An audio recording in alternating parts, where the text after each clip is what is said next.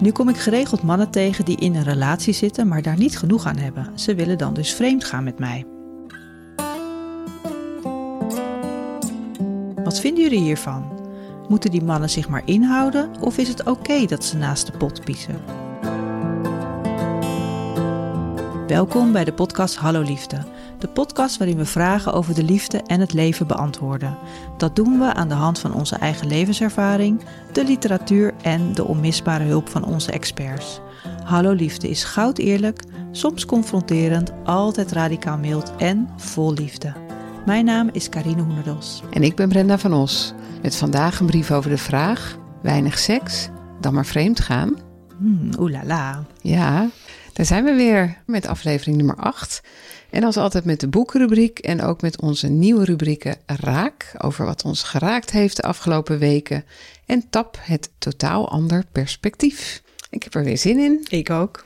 En wat is jou opgevallen afgelopen weken? Nou, ik uh, kwam iets tegen en dat heet de NEP Ministry, oftewel vertaald het ministerie van Dutjes. En dat uh, is iets wat opgericht is door een kunstenaar en zij heet Tricia Hershey en het was in 2016. Ze heeft er ook een boek over gemaakt, Rest is Resistance, oftewel rust is verzet. Nou moet ik eerlijk zeggen, ik heb me hier totaal niet in verdiept. Ik heb het boek niet gelezen, haar website heel even bekeken, maar dat geeft niks. Ik vond gewoon die gedachte al zo mooi. Zo van rust is verzet. Je verzetten tegen die cultuur van dat we het altijd maar druk, druk, druk hebben. En gewoon eens even lekker niks doen. Even dagdromen, een dutje doen, je rust pakken. En zij claimt dus dat uh, als je rust neemt, dat het een daad van verzet is tegen het systeem met een hoofdletter. En dat je altijd op zich al goed genoeg bent. Dat je echt niet meer hoeft te doen. Nou, best wel radicaal mild, vond ik. Ja. En bovendien ben ik een enorme fan van dutjes zelf. Dus ja, ik vond dit behoorlijk raak. Mm, wat goed. Ja, het verzet zich dus een beetje tegen dat prestatiemodel Ja, wat we eigenlijk erg. tegenwoordig hebben. Het Hè? is altijd maar meer, meer, druk, druk, druk. Ja. En uh, Als iemand vraagt wie ben je, dan zeg je eigenlijk wat je doet. ja, precies. Ja, wat En, je uh, allemaal presteert. Terwijl, ja. je bent misschien wel het meeste mens als je even tot rust komt.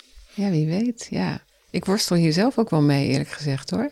Tien jaar geleden of zo was het een beetje stoer als je het druk had. Ja, Nou, dat, dat vind ik al lang totale flauwekul. Ik vind het eigenlijk heel treurig als je het niet voor elkaar krijgt om je drukheid onder controle te krijgen.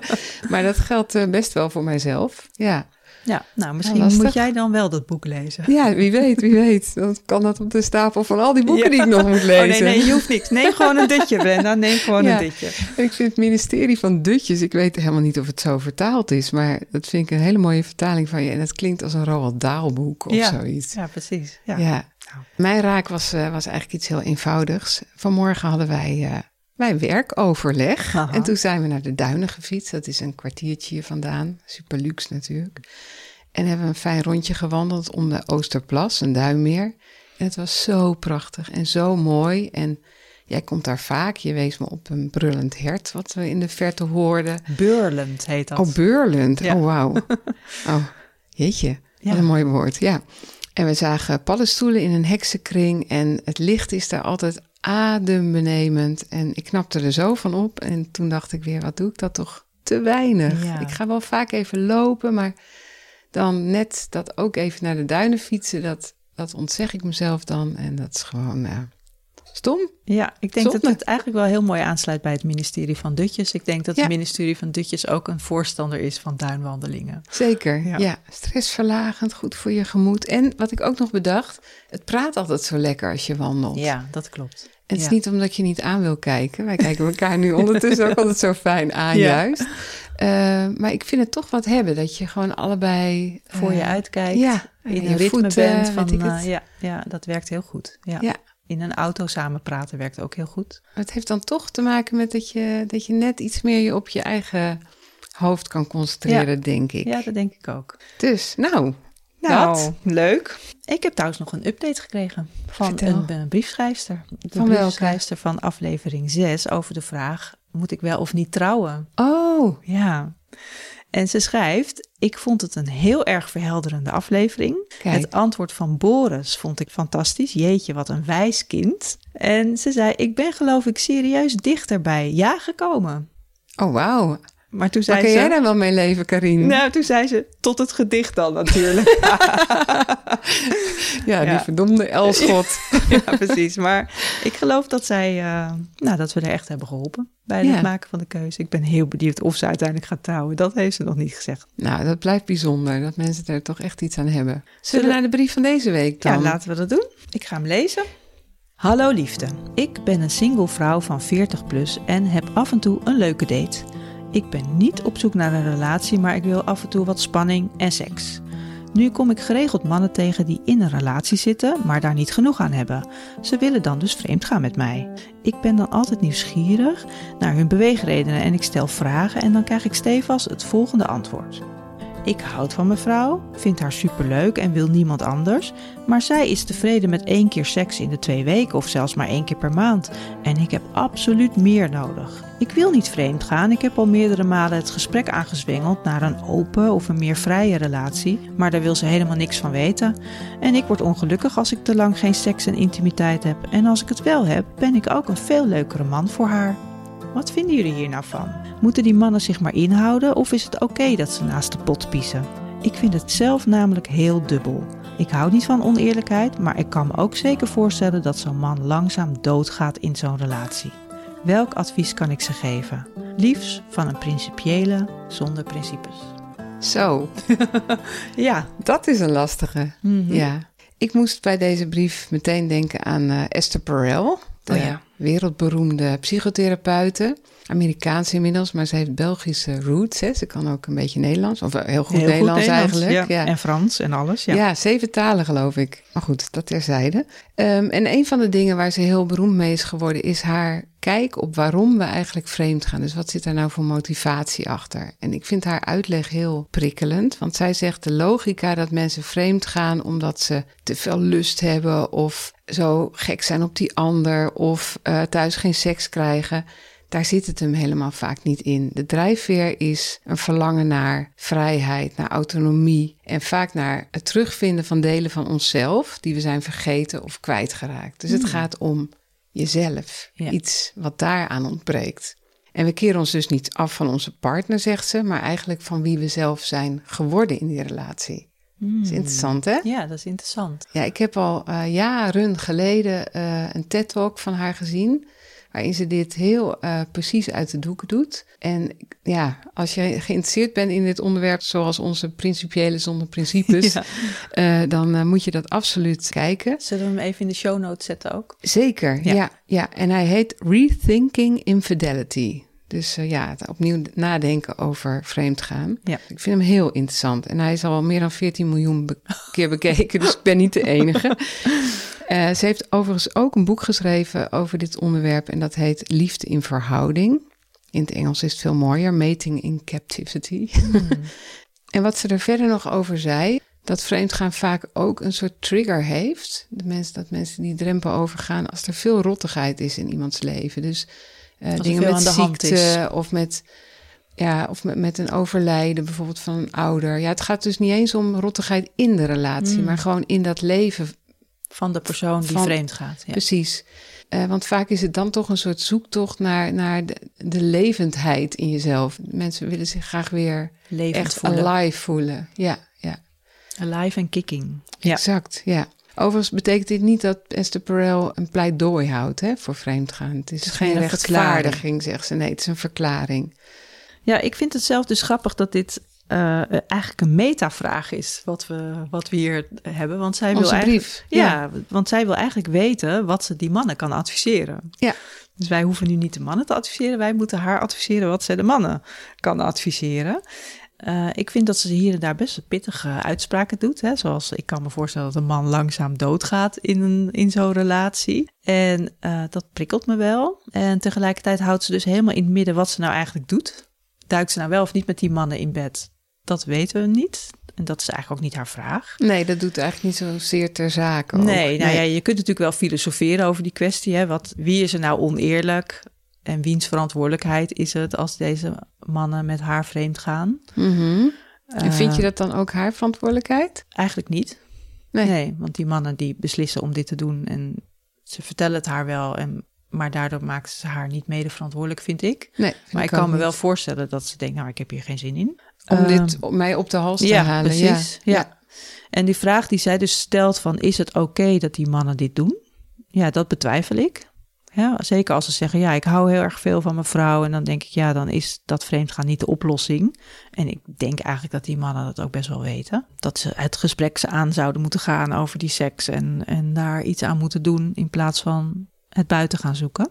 Want ze praten dus wel met onze principiële zonde principes. Dat vind ik dan weer opvallend. Ik denk van, nou, doe dat nou met je vrouw. Precies, want eh, eigenlijk in dat contact met onze briefschrijfster zoeken ze ook dan blijkbaar de intimiteit. Of zij, zij is zo verbindend dat ze dat eh, uit, uit hen haalt. Ja, Eh, maar het gaat dus niet alleen om de seks. Er wordt ook, er wordt ook nog gepraat. ook gepraat. ja. dat, maar Ja. dat maakt het wel intiemer. Ja, precies. En ja, ik vind het dus jammer dat ze er niet met hun vrouw tot een oplossing komen. En ik proef in zo'n verhaal van zo'n man, proef ik ook een beetje... Ik heb recht op seks en zonder dat kan ik niet goed functioneren. En dat prikkelt me ook, want ik vraag me af, is dat echt wel waar? Gelukkig hebben we een expert. En die zegt daar wat over. Die gaat daar wat over nou, zeggen. met wie ja. heb je gesproken? Ja, ik heb gesproken met Mario Ramakers. Mhm. En zij is eh, arts en seksuoloog. En ze heeft een eigen praktijk, eh senseren in Voorschoten. En zij vertelde dat seks eh, drie domeinen kent, zo noemt ze dat. Voortplanting, dat is zeg maar de oerfunctie van seks. Lust en intimiteit. En dan L-I-V. En samen zegt ze is dat live, dat zou je kunnen zien als leven. Hmm. En voor een goed lopende liefdesrelatie is het goed als deze drie goed geïntegreerd zijn. Nou ja, als je kinderen wil, als je geen kinderen hebt, dan zijn lust en intimiteit samen goed geïntegreerd. En ze zegt, onze briefschrijfster, die zoekt vooral de lust. En Ja, die mannen Hoewel van... ze ook het gesprek aangaat. Dus ze zoekt Ja, in zekere zin ook de intimiteit op. nou ja, vooral de lust, dat, Mhm. dat schrijft ze ook. Hè. Ze is niet op zoek naar een relatie, wil, ze wil af en toe spanning en wat seks. Ja. En die mannen van die, van die brief die zij noemt, die eh, zoeken ook lust. En die halen dan hun I, intimiteit en misschien ook de V van voortplanting uit hun vaste relatie. Ja. En zij zegt dus, nou, het blijkt dus dat die L van die lust niet geïntegreerd is in hun vaste relatie. En bij de briefschrijver is de L van lust helemaal losgekoppeld van de liefde en van de intimiteit en van relaties. En dat kan. Mhm. Maar, zegt ze, stel nou dat onze briefschrijfster en zo'n man met elkaar seks gaan hebben, dan ontstaat er behalve lust, dat mag ik hopen dat er dan lust ontstaat, maar dan ontstaat zeker ook verbinding en intimiteit. Ja. Dat kan gewoon niet anders. Als je samen seks hebt, dan worden er allerlei hormonen aangemaakt, zoals dopamine, dat is dan dat, dat het lekker is, en oxytocine, en dat werkt dan heel verbindend. Eh, en ja, dat zorgt dus voor verbinding en dat kun je gewoon niet vermijden. Seks zonder verbinding is heel moeilijk. Nou, zeker als het op zo'n basis van vrijwilligheid is. Je Ja, zoekt elkaar op, Ja. je praat en eh, je wil het allebei graag. Ja, ja, dan krijg je gewoon verbinding en intimiteit. En ze zegt, nou, als die mannen meer seks zouden hebben in hun relatie, zou dat inderdaad ook verbindend werken. Dan zouden ze meer intimiteit voelen en zou de relatie verbeteren. Maar daar is er wel een verschil tussen mannen en vrouwen. Voor die mannen geldt al snel, lust is lust. En ehm, als ik seks heb, dan kom ik klaar en dan is het helemaal goed. En voor vrouwen begint het vaak met intimiteit. Pas als ze intimiteit ervaren, dan komt ook de lust en dan komt ook de seks. Maar betekent dat dan ook dat deze mannen thuis meer een intimiteitsprobleem hebben eigenlijk dan een lustprobleem? Nou, precies. Ja, dus als ze Ja. meer zouden investeren in die intimiteit bij hun vrouw, dan zou het waarschijnlijk met die lust ook wat beter gaan. Ja, dit pleit dus heel erg tegen het vreemdgaan. Ja, eigenlijk wel. Ze zegt, ja, dat zegt ze dus. Als die mannen meer zouden inzetten op intimiteit in hun relatie, dan kan die lust in hun relatie weer terugkomen en daardoor kan hun relatie verbeteren. En ja, zoals ze het zeggen, zouden ze dat ook graag willen. Nou, ze zijn nog even heel duidelijk. Je gaat niet dood als er geen seks is in een relatie, om het maar even duidelijk te stellen.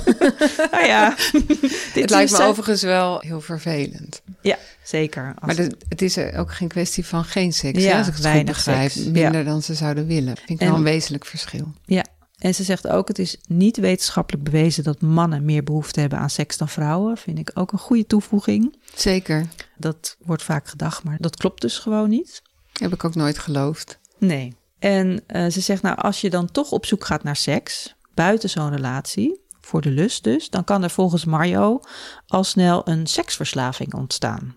Hè, dus Mm. Je zegt van je gaat die leegte die je voelt opvullen met seks. Met lust. En ze vergelijken het dan als een kroketje uit de muur trekken, eventjes een snack halen. En voor je het weet ben je dan verslaafd aan die snacks. Terwijl je dus eigenlijk de intimiteit mist in je relatie, zeg maar de met liefde gekookte maaltijd die je samen opeet. Ja, als ze dus meer zouden investeren in die met liefde gekookte maaltijd, zou het met die lust ook beter gaan. Nou, dan zegt ze ook nog, mannen denken vaak aan penetratieseks, hè? dus het neuken, zeg maar. Mhm. En ze zegt, voor vrouwen is dat niet per se de meest eh, vervullende vorm van seks. En er zijn nog zoveel andere vormen van seks. En zoveel andere vormen van intimiteit, zoals knuffelen en zoenen en elkaar aandacht geven. Dat moeten ze, dan samen uitzoeken. Precies, even ze vroeg zich af, hebben ze die opties wel eens besproken, die mannen met die vrouw? Mhm. Hè? Überhaupt is er dus, is dit wel goed besproken? Zij vertelde dat als zij, aan, als zij een stel in de praktijk heeft en ze vraagt, wat is nou voor jullie de perfecte avond? Dan zeggen die mannen van, nou, eh, lekker op de bank samen en daarna penetratieseks. en voor vrouwen is dat veel meer een goed gesprek op die bank en samen knuffelen. Hmm. Dus dat is gewoon toch ja, het verschil tussen man en vrouw. Ik denk dan, ja, dat is toch alleen maar leuk dat die verschillen er zijn. Natuurlijk, zeker. Ja, Ja. laten we Ja. dat dan benutten. Maar goed, als ik de briefschrijfster goed begrijp, zijn de mannen ongelukkig met de situatie zoals die thuis is. En hebben ze dan als Ja. oplossing die open relatie voorgesteld. Maar Ja, maar eigenlijk zou, zou volgens Mario zouden ze dus meer moeten kijken naar wat wil mijn vrouw. ja, En meer kijken naar, oké, die intimiteit is een belangrijke voorwaarde voordat die lust er is. Dus- precies. En daar de oplossing moeten En zoeken. daar de oplossing moeten zoeken. Mhm. Ja. En wat moet onze briefschrijfster nou doen? Nou ja, Mario zegt, ik zou er niet aan beginnen. Want een mooie uitspraak, vreemdgaan is niet voor watjes, zei ze. Mm. Want vreemdgaan heeft gewoon heel veel consequenties. Lijkt makkelijk, maar het is in de praktijk altijd ingewikkeld. Zij zou zeggen, neem een single man Mm. om je avonturen mee te beleven. En ze vindt het argument, maar ik heb geen of nauwelijks seks, dus geen legitimatie voor die man. En het blijft dus zijn verantwoordelijkheid wat, hoe die daarin manoeuvreert. Ja. ja. Dat ook. Is het duidelijk? Zeker. Ja. Ik zit even na te denken over vreemdgaan is niet voor watjes. Want wat zou het probleem voor de briefschrijfster zijn? Nou, ik denk die verbinding die dan ontstaat en de, en de moeilijkheden die daarbij eh, kunnen ontstaan. Hè, die Mm. kan verliefd worden op zo'n man en die is dan verbonden. Of je voelt je toch schuldig over die vrouw. Of hij doet heel ingewikkeld en moeilijk voor om een afspraak te maken, omdat hij gewoon gebonden is. Ja. Of hij blijft op, op ter leunen. Ja, er kan gewoon heel veel gedoe komen. Ja. Ja, ja, meer dan bij een single man. Ja. Hmm. Ja. Interessant. Ja. ja. Ja, en ik proef ook zo'n rare verongelijkheid bij de mannen waar het dan over gaat hè, in dit contact. Ja, zo van ik heb eigenlijk recht op seks. Ja, ik ben over die open relatie begonnen en ze wou niet. En nou ja, dus, dus mag ik dit. Ja, Ik ben het met je eens dat dat een rare move is. ja wel een veel voorkomende move. denk ik. Zeker. Praten is ook veel makkelijk, eh, moeilijker Ja. dan eh, het beest in de bek kijken. Ja, precies. Ja. Heb jij nog een totaal ander perspectief gevonden? Nou, best wel eigenlijk. Oh, nou, Ja. daar ben ik heel benieuwd naar. Nee, ik heb de brief voorgelegd aan een vriend en die heeft zich er samen met een vriend van hem over gebogen. Ah, een Dus we twee hebben- mannen Ja, perspectief. we hebben een eh, mannenduo. Het opvallende is dat ze inderdaad wel een ander perspectief koos. Want ze kwamen vooral met antwoorden die gingen over haar motieven. En het eerste wat ze zeiden van, maar het is toch helemaal niet haar rol om zijn psycholoog te zijn. Waarom eh, vraagt ze zich dit af? Weet je wel, moet, ze is bij hem voor de seks en eh, kan ze al dan niet doen. Maar het is niet haar probleem of die vreemd gaat. Ja. Ja, dus ze ontslaan haar ook van de verantwoordelijkheid. Maar Ja. ze vroegen zich ook een beetje af waarom ze dit gesprek aangaat. Nou, vind ik wel een goede gedachte. Ja, Ik snap dat overigens wel hoor. Ik zou ook heel Ja, nieuwsgierig ook. zijn Nou hoe dat zit. Ik maar, ben nieuwsgierig, ja. ja. En het tweede wat ze zeiden is... als ze het nou wel een, echt een moreel probleem vindt... of zich er toch lullig bij voelt... dan moet ze er ook eigenlijk principieel van afzien. En ze zeiden ook nog van... ja, dat geldt misschien wel eh, überhaupt voor vrouwen... want er wordt altijd gedaan alsof mannen zoveel vreemd gaan. Maar goed, ze gaan ook met iemand vreemd. Dus blijkbaar doen vrouwen dat ook. En ja, door mee te doen aan het hele circus... hou je de boel ook in stand. Ja, en hierbij gaan zij er dan wel weer van uit dat het altijd mannen zijn die het initiatief nemen. Ja, Dat, kan natuurlijk ook andersom zijn. Zeker, ja. zeker. Ja. Nou, je houdt het met elkaar in stand natuurlijk. Ja. En wat ze zich ook afvroegen is van... is dit misschien voor briefschrijfster op een bepaalde manier ook een makkelijke weg? Want zeiden ze, getrouwde mannen, daar krijg je minder snel gedoe mee. Ja, jij zei net meer Ja. gedoe. Maar zij zeiden eigenlijk minder snel. Want eh, een getrouwde man die wil niet snel meer van haar. Die eh, is gewoon gebonden. En dat is een hele heldere constructie. Oh, dus ja. geen, eh, geen gezeur. Ja, dus als ze niet op zoek is naar een relatie, is dat eigenlijk wel een handige weg. Ja, wellicht. Ja, maar Mario. Ramakers die zei dus van er komt toch genoeg van. Ja. Inderdaad, een heel ander perspectief. Zo is dat. Nou, leuk. En had je ook nog een boek in gedachten bij de brief? Natuurlijk. Ook dit keer had ik meteen een boek bij deze brief. Maar je begint een beetje in je tweewekelijkse boekenrubriek ja, precies, te, ja, ja, ik leef voor mijn boekenkast hier. ja, ik heb gekozen voor het boek uh, Drie Vrouwen. En dat is geschreven door Lisa Tadeo. En dat kocht ik natuurlijk bij de Kennemer Boekhandel. Onze sponsor. Onze sponsor. Dat is wel een aantal jaar geleden. Het is in 2019 verschenen. En bij het verschijnen was het meteen een New York Times bestseller. Want het is ook echt een fascinerend boek. Die uh, Lisa Tadeo heeft drie vrouwen gevolgd en hun seks- en liefdesleven beschreven. En met gevolg bedoel ik dan ook echt gevolgd. Zij had bijvoorbeeld een vrouw die een minnaar had. En zij ging dan echt mee naar de afspraken met die minnaar. Wachtte buiten de hotelkamer en tekende meteen op wat zij uh, had gedaan en wat ze voelde en hoe dat was. En wat Mijn ze... hemel. Ja, het is ook echt ja, het voelt echt alsof je erbij bent. Zo heeft ze het uh, beschreven. Uh, en is het een beetje romanachtig of is het echt nee, het is dus non-fictie, maar wel vrij literair opgeschreven. En zij volgde die vrouwen, let op, acht jaar lang. Dus het wow. is een waanzinnig project. En die hele aankondiging daarvan zorgde er ook voor dat het zo snel een bestseller werd. Het is natuurlijk fascinerend dat iemand zoveel tijd investeert in drie vrouwen die dus echt bestaan. En uh, hun liefdesleven zo rauw en zo op de huid en zo precies opschrijven. Ja, ik vond het dus ja, ik vond het heel bijzonder om te lezen. En een van die hoofdpersonen is uh, Maggie. En dat is een vrouw die tijdens de, haar schooltijd als scholier, dus als minderjarige scholier, een stiekem relatie had met een uh, getrouwde docent. Terwijl ze dus minderjarig is. En later spant ze een rechtszaak tegen hem aan. En dat verhaal is ook een onderdeel van het boek. En er is nog een hoofdpersoon, Lina, en die is getrouwd met een man die haar geen intimiteit en seks geeft. Want dat kan natuurlijk Kijk, ook. en ook. zij begint dan een affaire. Dus wat dat betreft vind ik dit boek echt heel erg goed passen bij deze brief. Ik zou eigenlijk willen dat de mannen die zij noemt, die zij ontmoet, dat ze dit boek zouden lezen. Maar ik denk dat onze principiële zonder principes dit ook echt een heel prachtig boek vindt over seks en over liefde en over al het geklungel en gedoe dat daar soms bij komt kijken. Fascinerend. Ik ben heel nieuwsgierig. ja. ja. Maar ik vind het ook, ja, ik ben natuurlijk toch journalist. En ik vind het ook een, gewoon een, een ongelooflijk journalistiek project. Ja. Ik begin meteen heel hard te denken hoe je dat voor elkaar krijgt. Ja, ja. en hoe heeft ze die vrouwen gevonden en hoe heeft ze het acht jaar lang volgehouden om ze te blijven volgen. En hoe hebben die vrouwen dat volgehouden? Nou, dat ook, ja. Moet het er niet aan denken. Dan heb je, ben je getrouwd en je hebt een minnaar. Dat lijkt me allemaal een hele klus. Ja. En dan moet je dat ook nog allemaal uit de doeken doen. Ja, er is dus wel echt iets ontstaan, iets unieks. Die, dit hoor je, hoor of zie of lees je nooit. Dus het is uh, ja. heel interessant. Ja, ja. Heb je, jij hebt het hier. Ja, je mag het lenen. Ik neem het mee. ja, geweldig. Dit was uh, aflevering 8 alweer. En um, let op mensen, we nemen een break na deze brief. Karine is een paar weken weg en ik ben druk, maar we komen terug. En we weten zelfs al het onderwerp van de volgende brief, namelijk is het erg om alleen te blijven? Je luisterde naar Hallo Liefde, de podcast waarin we vragen over de liefde en het leven beantwoorden. Hallo Liefde werd gepresenteerd door Karine Hoenderdos en Brenda van Os. Onze expert van vandaag was arts-seksuoloog Mario Raamakers. Je vindt haar via sensere.nl. De podcast werd mede mogelijk gemaakt door de Kennemer Boekhandel in Haarlem. Wil je ook een brief sturen? Dat kan. Stuur je brief naar halloliefde.gmail.com. Wie weet wordt jouw vraag anoniem behandeld in een volgende aflevering. Tot de volgende keer. Tot dan!